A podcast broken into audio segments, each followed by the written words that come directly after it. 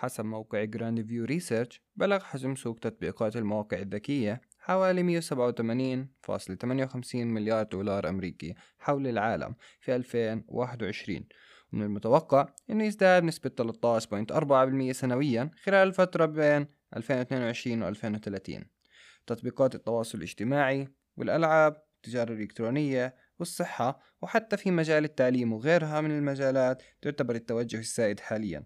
أي حدا عنده بزنس حاليا بفكر أو فكر إنه يطلق تطبيق خاص في عمله حتى يحاول إنه يجذب سوق أكبر ووسع دائرة الناس اللي بتعرف عنه. لهيك مجال الهواتف الذكية حاليا بيحظى باهتمام من قبل المطورين بشكل متزايد. عادة إن كنت رح تطلق تطبيق ما رح تحتاج إنك تتعلم تكتب نفس التطبيق لكل نظام موجود في السوق أو على الأقل إنك تدعم أكثر نظامين مستعملات حاليا اللي هم أندرويد و iOS اللي بشكلوا حوالي 99% من أنظمة الهواتف الذكية المستعملة حول العالم. ولكن كيف لو كان في طريقة يكون في عندك تطبيق واحد تقدر تشغله على أكثر من نظام تشغيل أو بالأحرى إنه تكتب كود واحد لعدة أنظمة تشغيل بدون الحاجة لإعادة كتابة كل إشي من الصفر. عمركم سمعتوا ب Flutter React Native؟ هدول مجموعة من أطر العمل اللي مستخدمة في تطوير تطبيقات الهواتف الذكية على جميع الأنظمة وحتى إنه مجموعة من هاي الأطر بدأت بدعم التحويل إلى الويب وتصميم نفس المواقع باستخدامها.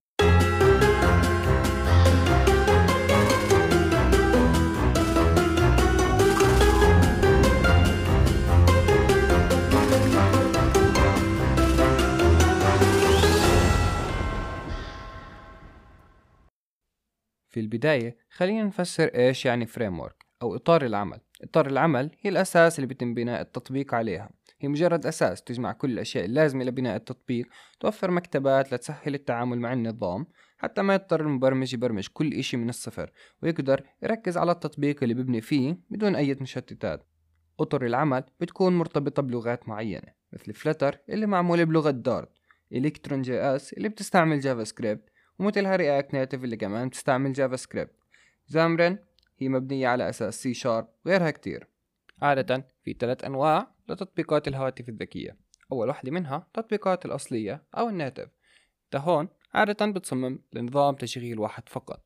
يعني بتستخدم الأدوات البرمجية ولغات البرمجة الخاصة في نظام التشغيل اللي إنت قاعد تعمل تطبيق على أساسه.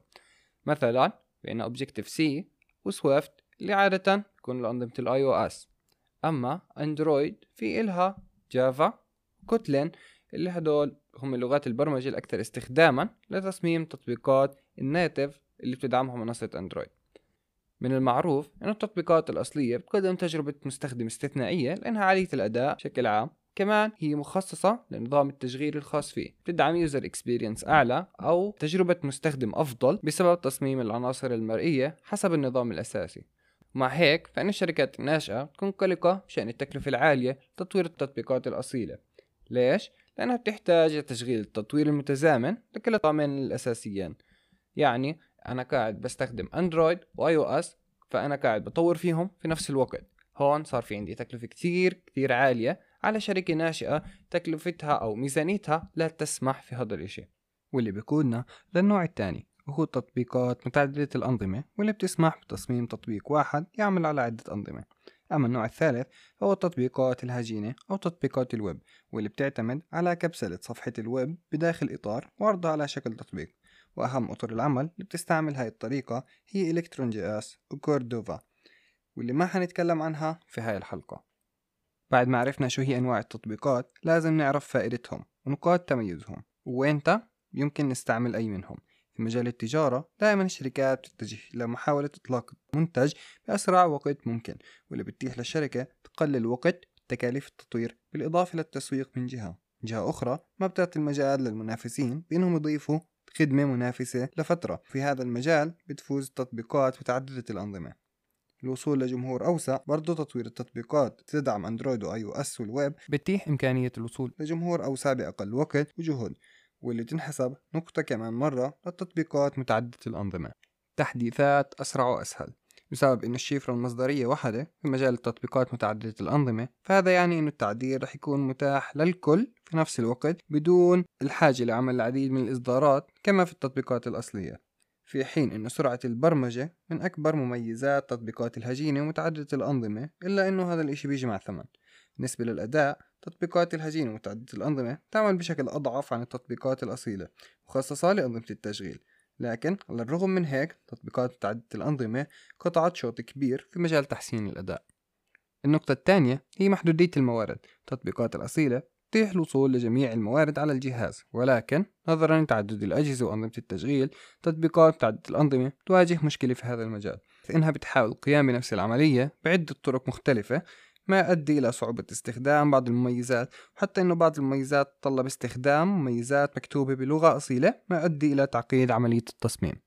بعد معرفة المميزات لكل فئة بيجي السؤال الأهم إيش نختار؟ في البداية لازم تحدد نوع التطبيق من حيث جمهور الأجهزة والتعقيد. في حالة التطبيقات طويلة الأمد والمعقدة للغاية واللي ما بتحتاج دعم فوري لمميزات أنظمة التشغيل استخدام التطبيقات الأصيلة حيكون الخيار الأفضل. لأن الهدف مش سرعة التطوير بل التطوير الثابت بأقل نسبة خطأ. في حالة التطبيقات الإنتاجية والتسوق الإلكتروني ممكن أخذ التطبيقات الأصيلة وحتى متعددة الأنظمة باعتبار أنه التطبيق طويل الأمد معقد إلى حد ما. أما في تطبيقات التسويق مثل تطبيقات الحملات أو أحداث معينة هي تطبيقات غير طويلة الأمد على الرغم من توفر بعض المميزات. ولكن هون السرعة هي الأهم ودعم أكبر جمهور. في الإمكان استعمال تطبيقات متعددة الأنظمة وحتى الهجينة. النقطة الثانية هي الفريق أو فريق التطوير. معرفة قدرات وخلفيات فريق التطوير هي العامل الأكبر في تحديد نوع التطبيق المراد عمله. النقطة الثالثة هي التعقيد.